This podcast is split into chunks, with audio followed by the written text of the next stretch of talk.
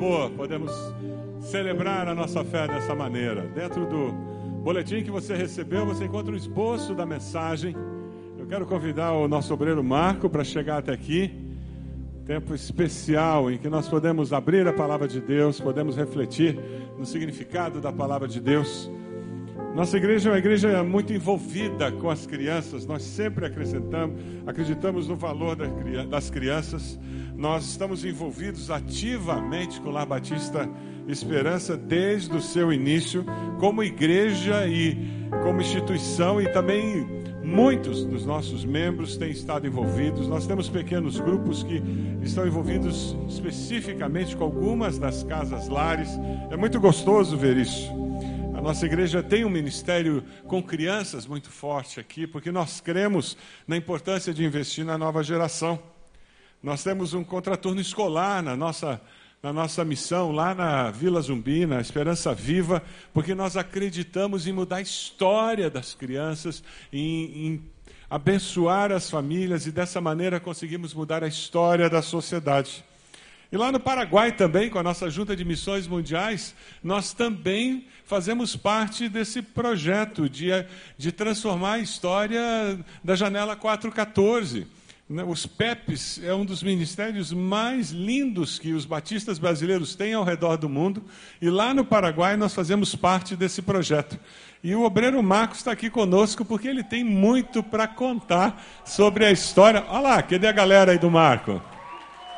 Olha lá.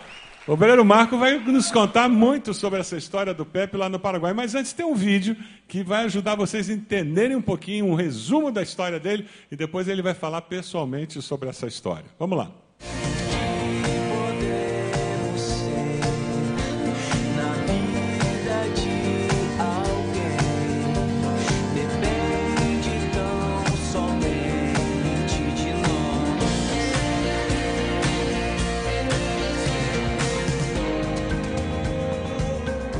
Das nossas grandes alegrias é, servindo a Deus através do PEP é ver os frutos, o impacto que Deus tem promovido na vida de tantas crianças, de suas famílias e de suas comunidades. Marquito ele foi aluno do PEP no Paraguai, numa das primeiras unidades do PEP Paraguai. E quando ele começou a participar do PEP e aceitou a Jesus no seu coração, Marquito ia fielmente à igreja. Quando saía do culto na igreja, ele olhou bem para o pastor que estava à porta cumprimentando as pessoas e disse assim: Pastor, um dia eu vou crescer e vou ser pastor como o Senhor. Há dois anos faço parte do grupo de radicais Paraguai e tenho participado nas campanhas evangelísticas. Meu grande sonho desde criança se aproxima, pois completei 18 anos. Quero ir ao Brasil estudar em um seminário, capacitar-me bem e ser um grande pastor missionário, para poder levar muitas pessoas aos pés de Jesus.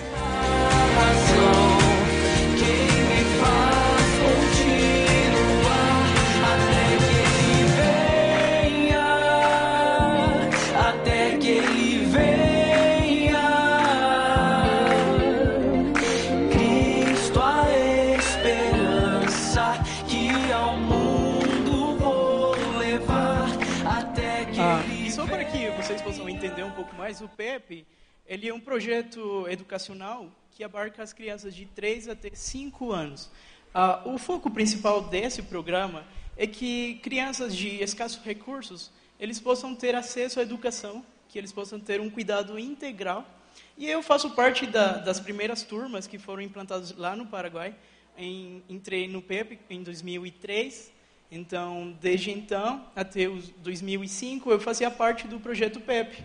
O que impactou nisso na minha vida? Ah, o Pepe desenvolveu em mim, desde criança, a, paixão pelo, pelo trabalho que os missionários, o trabalho que os missionários fazem, o trabalho que os pastores ah, dedicam, o trabalho que eles se esforçam para fazer todo dia.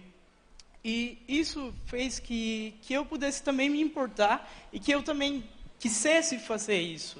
Uh, eu venho de uma família que não tinha uma estrutura normal, o que para nós hoje seria um normal, não tinha uma figura paterna e também materna. Uh, cresci com minha avó, é, com minha irmã também. Conheci a minha mãe com 13 anos, não conheço hoje meu pai, ah, então era uma história assim bem diferente do que todo mundo estava acostumado. Porém, também a, a escassez de, de educação para as pessoas ou para as crianças lá no Paraguai é bem baixa. Então o Pepe chegou até o Paraguai e começou a mudar histórias de pessoas como eu. E como essas histórias, com esses princípios também nós achamos na Bíblia. E nós vamos ter é, em Atos 3, 1 ao 10, a história referente a isso. Ah, vamos ler todos juntos? Certo dia, Pedro e João estavam subindo ao templo na hora da oração. Às três da tarde, estava sendo levado para a porta do templo, chamada Formosa, um aleijado de nascença, que ali era colocado todos os dias para pedir esmolas ao que entravam no templo. É interessante porque você escuta a história do Marco e nós não chamamos mais ele de Marquito, porque o cara Continua cresceu, Marquito né? até hoje, professor. O cara cresceu. Mas o, o Marcos está aqui fazendo a faculdade teológica, é obreiro da nossa igreja, tem sido uma bênção no nosso meio. Mas quando você lê esse texto aqui de, de Atos e você começa a ver histórias como a do Marcos, você vê o poder que tem uma fé transformadora. Alguém que se coloca nas mãos de Deus e diz: Eu quero ser usado por Deus para promover transformação ao meu redor. Uma fé transformadora, ela aumenta a nossa percepção das oportunidades. Uma fé transformadora aumenta a nossa percepção das oportunidades. Quando você tem uma fé genuína, colocada no Senhor Jesus, quando você é transformado pelo poder de Deus e você começa a caminhar como um discípulo multiplicador, alguém que quer servir a Deus e ter uma vida que faça diferença na história de outras vidas, você começa a perceber as oportunidades. Foi o que aconteceu ali com os apóstolos quando eles chegam na porta do templo. Eles estavam na rotina do dia a dia deles, eles estavam indo adorar, eles estavam caminhando, eles estavam fazendo coisas que eles sempre faziam. E eles viram alguém que sempre estava ali, mas naquele dia eles viram uma oportunidade de fazer o bem. Alguém disse com muita propriedade que fazer o bem não pode ser um evento em nossas vidas, mas sim um reflexo de existir com Cristo. Fazer o bem tem que ser uma expressão natural de ser discípulo de Jesus. Um dos pecados que nós mais cometemos e menos pedimos perdão a Deus é o pecado de omissão. O nosso foco no discipulado da vida cristã é muito na direção do pecado de ação. Então eu não posso fazer isso, eu não posso fazer isso, eu não posso fazer isso, porque eu sou crente em Jesus, porque eu sou discípulo de Jesus. Mas falamos muito pouco das coisas que nós devemos fazer, porque somos discípulos de Jesus e que não podemos deixar de fazê-las. E que quando deixamos de fazê-las, nós estamos pecando sim, pecando por omissão. Aquele que sabe fazer o bem e não faz, o que, que a palavra de Deus diz? Comete pecado. Vendo Pedro e João, vendo que Pedro e João iam entrar no pátio do templo, aquele homem pediu esmola. As pessoas que trabalham com você, que estudam com você na escola, na faculdade, as pessoas que convivem com você lá no seu condomínio, na sua vizinhança, seus parentes, as pessoas quando olham para você, o seu grande desafio é que elas percebam em você um representante do Deus vivo. A minha pergunta você tem percebido as necessidades das pessoas ao seu redor? Você tem percebido as oportunidades? E como você tem respondido a essas oportunidades? Você tem saído da sua zona de conforto para ser resposta de Deus na vida do seu próximo? Ao perceberem que representamos Deus, as pessoas olham para nós como resposta para as suas necessidades. Você tem vivido com esse senso de missão, de que Deus deseja que você seja resposta na vida do seu próximo. É, pastor, e comentando sobre fé transformadora, se torna meio difícil não falar sobre que a nossa fé transformadora seja relacional. Porque, ah, comentando sobre que a fé transforma e que ele faz crescer a nossa percepção das coisas que estão acontecendo, também nós somos relacionais, pessoas que se relacionam, que foi o que aconteceu na minha vida. Ah, hoje você me vê desse jeito, meio gordo e bem saudável e tudo mais. Porém, é porque aconteceu uma transformação. Alguma vez eu fui um pouquinho mais magro, vocês viram ali na foto. Ah, porém, aconteceram transformações na minha vida. Ah, coisas que, coisas que, que para nós são normais, às vezes para outras pessoas não são normais. Ah, por exemplo, não sei se já aconteceu com você alguma vez, de você estar quase saindo da sua casa e tinha que escovar os dentes, quando chegou no banheiro não tinha creme dental. Aconteceu, pastor? Alguma vez? Não, ok. Comigo aconteceu. Porém, é ali quando você percebe o quanto era importante aquele creme dental naquela hora.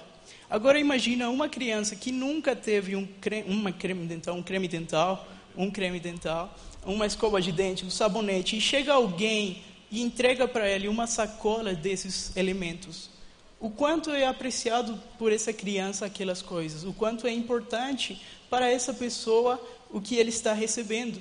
E é o mesmo que eu recebo.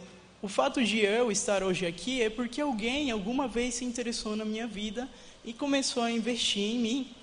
Esse mesmo princípio nós encontramos no texto que estamos estudando. Ah, se você já sabe do que eu estou falando, o PEP, ele trata referente a crianças que precisam receber do amor de Jesus. E os nossos missionários, temos uma foto por aí, o pastor Carlos e a missionária Lígia, eles são os nossos, as nossas pontes de bênção para aquelas crianças lá no Paraguai. Eles já estão faz 40 anos trabalhando lá, você já deve ter visto eles aqui na nossa igreja, são os nossos missionários. Então, eles são pessoas que começaram a trabalhar na minha vida e eles começaram a investir em mim. Ah, uma cena que ficou muito cravada na minha mente, no meu coração, uma vez a gente estava na minha casa com minha avó e a minha irmã e a gente não tinha nada para comer, não tinha nada. A gente tinha combinado com minha avó, minha avó, que a gente ia esperar até a noite e a gente ia dormir porque aí a fome ia sumir. Quando a gente estava desligando as luzes da casa e tudo mais, alguém bateu na casa. E eram os nossos missionários chegando com sacolas de mercado e querendo abençoar nossas vidas. E não tinha algum jeito da minha avó ter ligado para eles porque não sabia mexer no celular. Porém, é simplesmente a mão de Deus trabalhando nessas pessoas, vidas que são que vão até lá para abençoar outras vidas. E é o que nós temos como chamado para fazer vendo no verso 4, ele fala assim: Pedro e João olharam bem para ele, e então Pedro disse: Olhe para nós. O homem olhou para eles com atenção, esperando receber deles alguma coisa. Disse Pedro: Não tenho prata nem ouro, mas o que tenho, isto lhe dou. Em nome de Jesus Cristo, o Nazareno, ande. Segurando-o pela mão direita, ajudou a levantar-se, e imediatamente os pés e os tornozelos do homem ficarem firmes. E de um salto pôs-se de pé e começou a andar. Depois disso, entrou com eles no pátio do templo, andando, saltando e louvando a Deus. É uma cena incrível. Uma pessoa que estava ali por muito tempo e chega alguém e se importa com ele, se importa com a necessidade que ele estava passando nesse momento e fala para ele: Eu não tenho prata nem ouro, e era o que ele estava esperando naquele momento: uma esmola, alguma ajuda, alguma coisa que possa suprir a necessidade que ele estava passando nesse momento. E eles falam assim: olhe para nós, olha para o que, o que nós podemos ah, entregar para você. E ele fica atento, só que eles entregam uma coisa que, eles, que ele não estava esperando de verdade.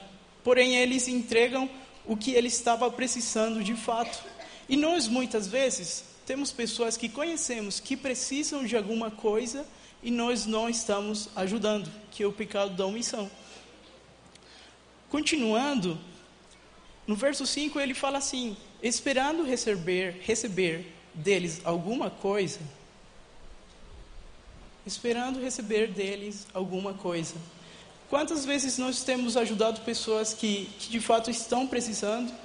Quantas vezes nós temos de fato investido em vidas de pessoas que estão precisando? Ele fala assim: Eu não tenho prata nem ouro. Nós temos que reconhecer que nem sempre temos possibilidade de entregar tudo. O pastor comentou que nos, eles nos enxergam como a fonte de resposta para tudo, e nós não sempre temos prata e ouro para entregar para alguém, nós nem sempre temos ah, tempo suficiente para investir em alguém, nós não sempre temos finanças para ajudar alguém. Eu não posso entregar uma coisa que eu não tenho para alguém. Eu não consigo ensinar alguém a dançar porque eu não tenho essa facilidade. Eu tenho que ver os meus recursos com aquilo que eu consigo abençoar alguém para poder ajudar uma vida. E ele continua: O que eu tenho, isto eu lhe dou. O que eu tenho, isto lhe dou. Abençoaram a minha vida, abençoaram minha família com aquilo que os missionários e os pastores conseguiam entregar para mim. Pessoas que se importaram comigo começaram a ajudar mas não com prata e ouro, senão com aquilo que eles conseguiam ajudar. Nós temos que ah, aprender a abrir mão. Hoje de manhã a gente estava vendo com os guardiões, referente a abrir mão das coisas, abrir mão dos nossos recursos, dos nossos direitos. Eles eram apóstolos, eles poderiam passar e não fazer caso, não fazer um caso omisso daquilo que estava acontecendo. Porém, eles se importaram de fato e eles falaram: Nós vamos te abençoar. Nós temos que também fazer isso. E eu comentava para os guardiões hoje de manhã que quando a gente abre mão daqueles recursos que temos, nós estamos deixando o coração de Deus contente, deixando que o coração de Deus feliz pelas nossas ações e dando espaço para a nossa mão para livrar nossa mão de algumas coisas que estão ali e não estão abençoando a nossa vida, mas poderia abençoar alguém. E está liberando espaço para que possa entrar alguma outra coisa melhor, que possa abençoar a nossa vida. E ele continua assim: em nome de Jesus Cristo, o Nazareno, ande. Ele dava uma ordem que, em nome do Senhor Jesus, ele age. Eu não posso falar que os missionários que abençoaram a minha vida, eles são os meus deuses. Não, mas eu tenho um apreço muito apegado a eles, eu amo eles e eu respeito eles. Porém, a glória não é para eles, é de Deus. Eles poderiam falar: Eu sou apóstolo e eu vou te ajudar a você se levantar e pronto, e agora você vai ter que me adorar. Não.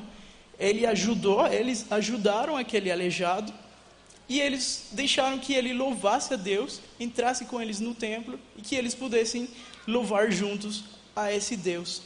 No verso 7, ele fala assim: segurando-o pela mão direita, ajudou-o a levantar-se.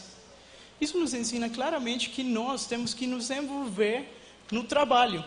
Nós temos que fazer parte daquele trabalho. Conheça missões, conheça o Lar Batista, conheça o Pepe, conheça os guardiões, conheça quem é o seu próximo.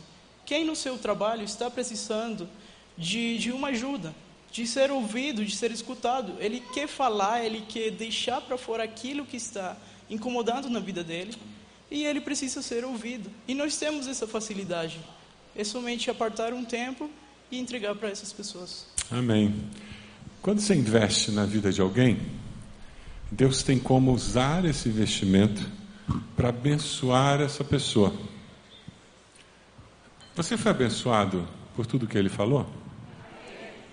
Sabe por que, que ele pôde estar aqui falando isso? Porque aqueles dois missionários que você enviou para o Paraguai, eles investiram tempo na vida do Marco, da sua avó, da sua irmã. Eles oraram por eles, com eles. Quantos anos, há quantos anos você conhece aqueles dois missionários? Pastor Carlos. né? Desde né? que nasci, pastor, eu estou com quase 20 anos, então são quase 20 anos de abençoar a minha vida. Você percebe a importância de investimento a médio e longo prazo? Quantos aqui conhecem o La Batista há 30 anos? Olha quanta gente. Há 20 anos, levanta a mão. As coisas na vida não são instantâneas que você joga no copo d'água e mexe, gente. Relacionamento com o ser humano exige tempo, investimento e aí você vê os resultados.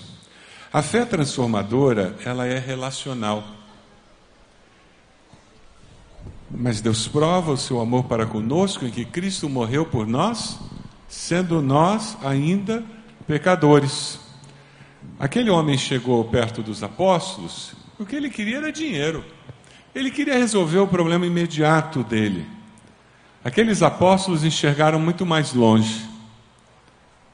Eles enxergaram a possibilidade de resolver a causa dele não poder trabalhar, a causa dele ter um problema de autoestima incrível, porque ele era um amaldiçoado por Deus, por ele ser um paralítico.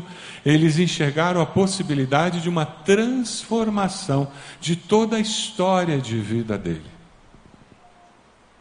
Sabe aquele vizinho que não aceita o convite para ir no seu pequeno grupo, na célula? Ele está dizendo não para você, ele não quer ir no culto, ele não quer fazer um estudo bíblico. É porque ele só consegue enxergar aquele momento da vida dele. Ele não consegue enxergar a eternidade. Você está vendo a eternidade.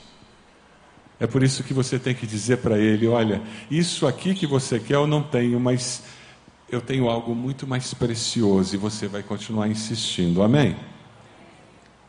Você vai continuar orando por essa pessoa. Você vai continuar investindo. Você vai continuar enxergando além da realidade que está diante de você. Se você der uma olhadinha no versículo 9 do texto que nós estamos estudando, versículo 9 diz: Quando todo o povo o viu andando, ele recebeu o que ele não pediu. Ele foi surpreendido com a manifestação de amor dos apóstolos.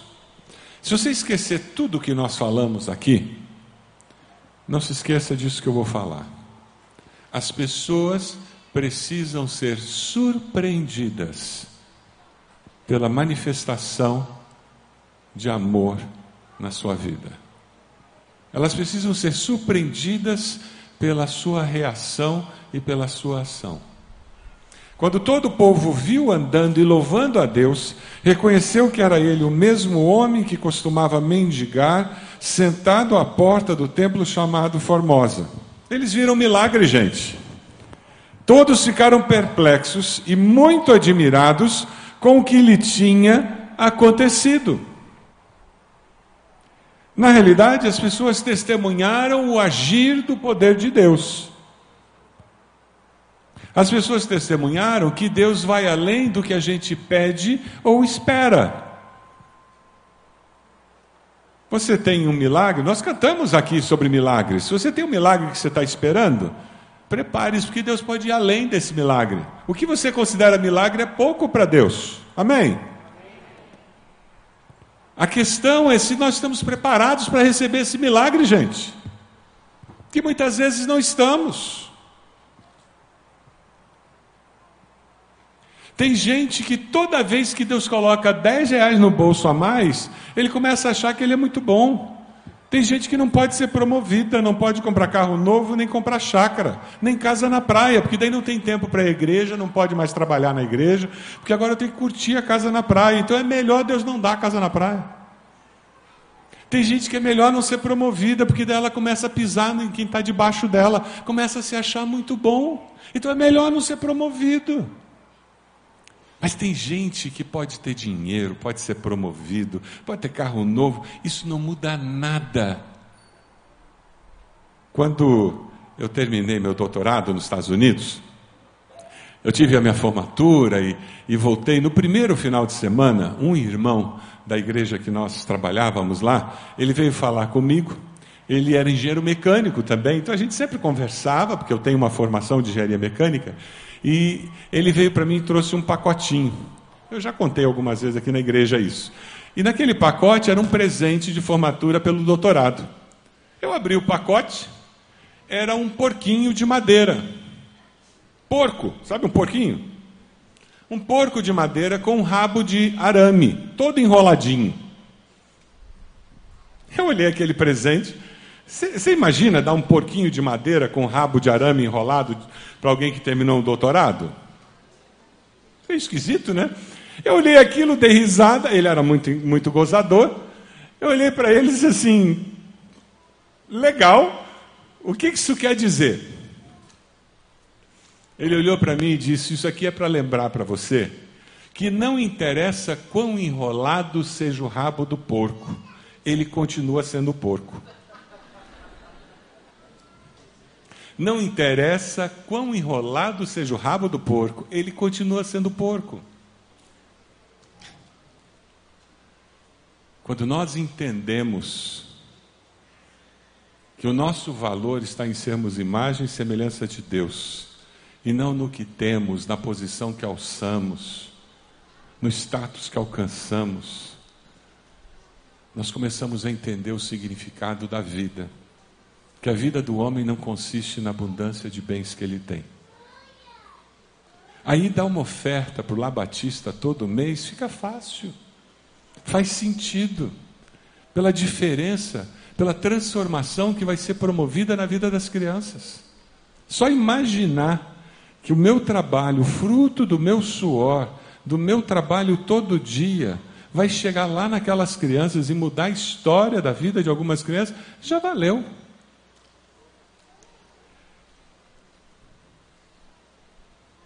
Aquele homem paralítico ficava à porta do templo vivendo da caridade do povo que vinha adorar a Deus. Ele saiu da porta da caridade, mas ele saiu diferente, porque agora ele saiu adorando a Deus. Amém? Quando o poder de Deus se manifesta, ele produz adoração a Deus. Quando não é o poder de Deus que se manifesta, o que surge é vaidade é orgulho. Você quer saber se foi Deus quem fez uma obra? É só você olhar o resultado no coração das pessoas envolvidas. Porque o diabo faz milagre também, gente. O diabo faz milagre também. As pessoas manipulam situações e fingem que teve milagre também. O ser humano é manipulador é mentiroso e capaz de enganar o outro ser humano.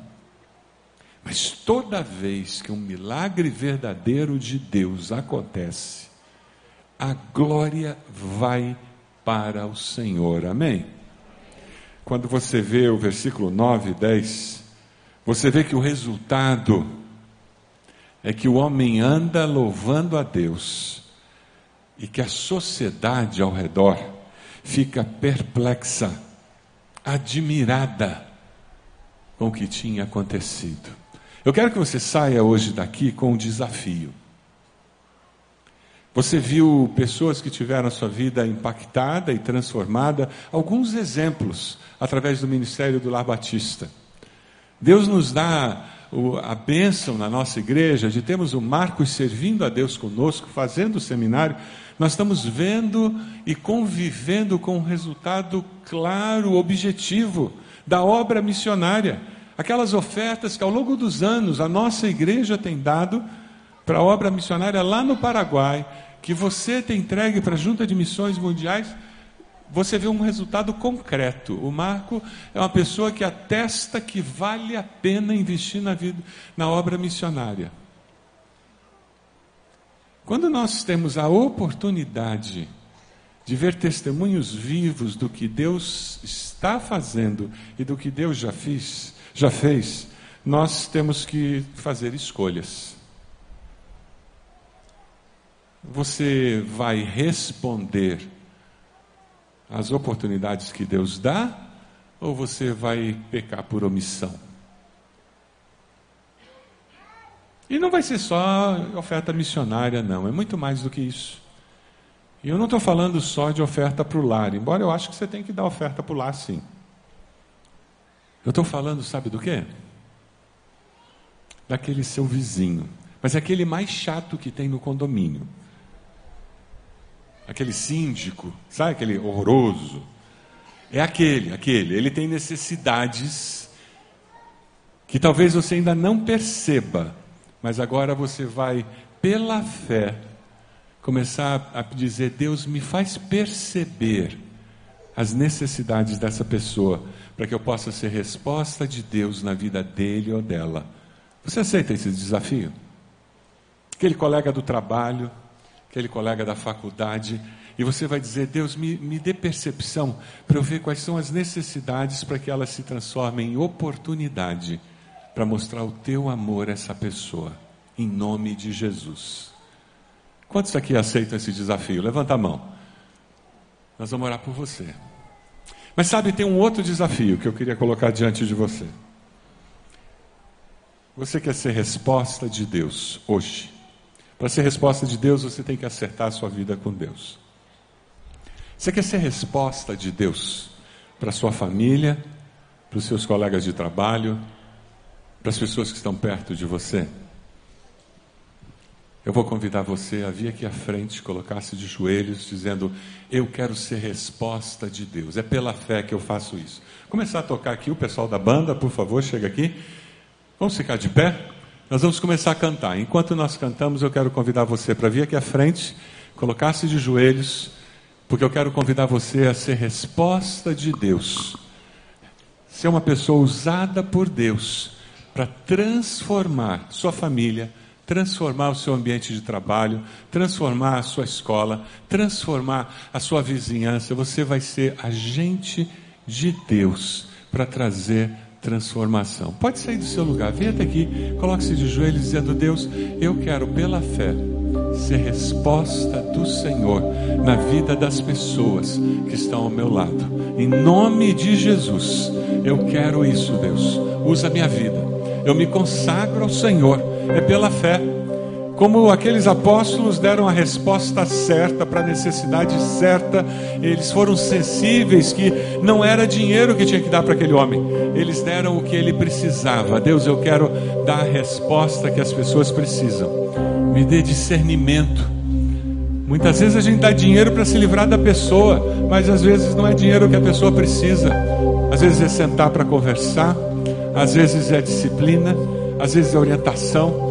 Mas quando o Espírito de Deus orientar você, você será a resposta de Deus na vida dos seus parentes, resposta de Deus nos seus colegas de trabalho, resposta de Deus lá na sua faculdade, resposta de Deus lá na sua escola com seus amigos, resposta de Deus lá na internet enquanto você está falando e você está lá no Facebook conversando com pessoas e você vai no inbox e vai ser resposta de Deus na vida daquelas pessoas, porque você vai dar a resposta que elas precisam. Nós vamos começar a cantar. Vem, sai do seu lugar, vem para cá. Coloque-se de joelhos dizendo: Deus, me usa, eu quero ser resposta, eu me consagro ao Senhor.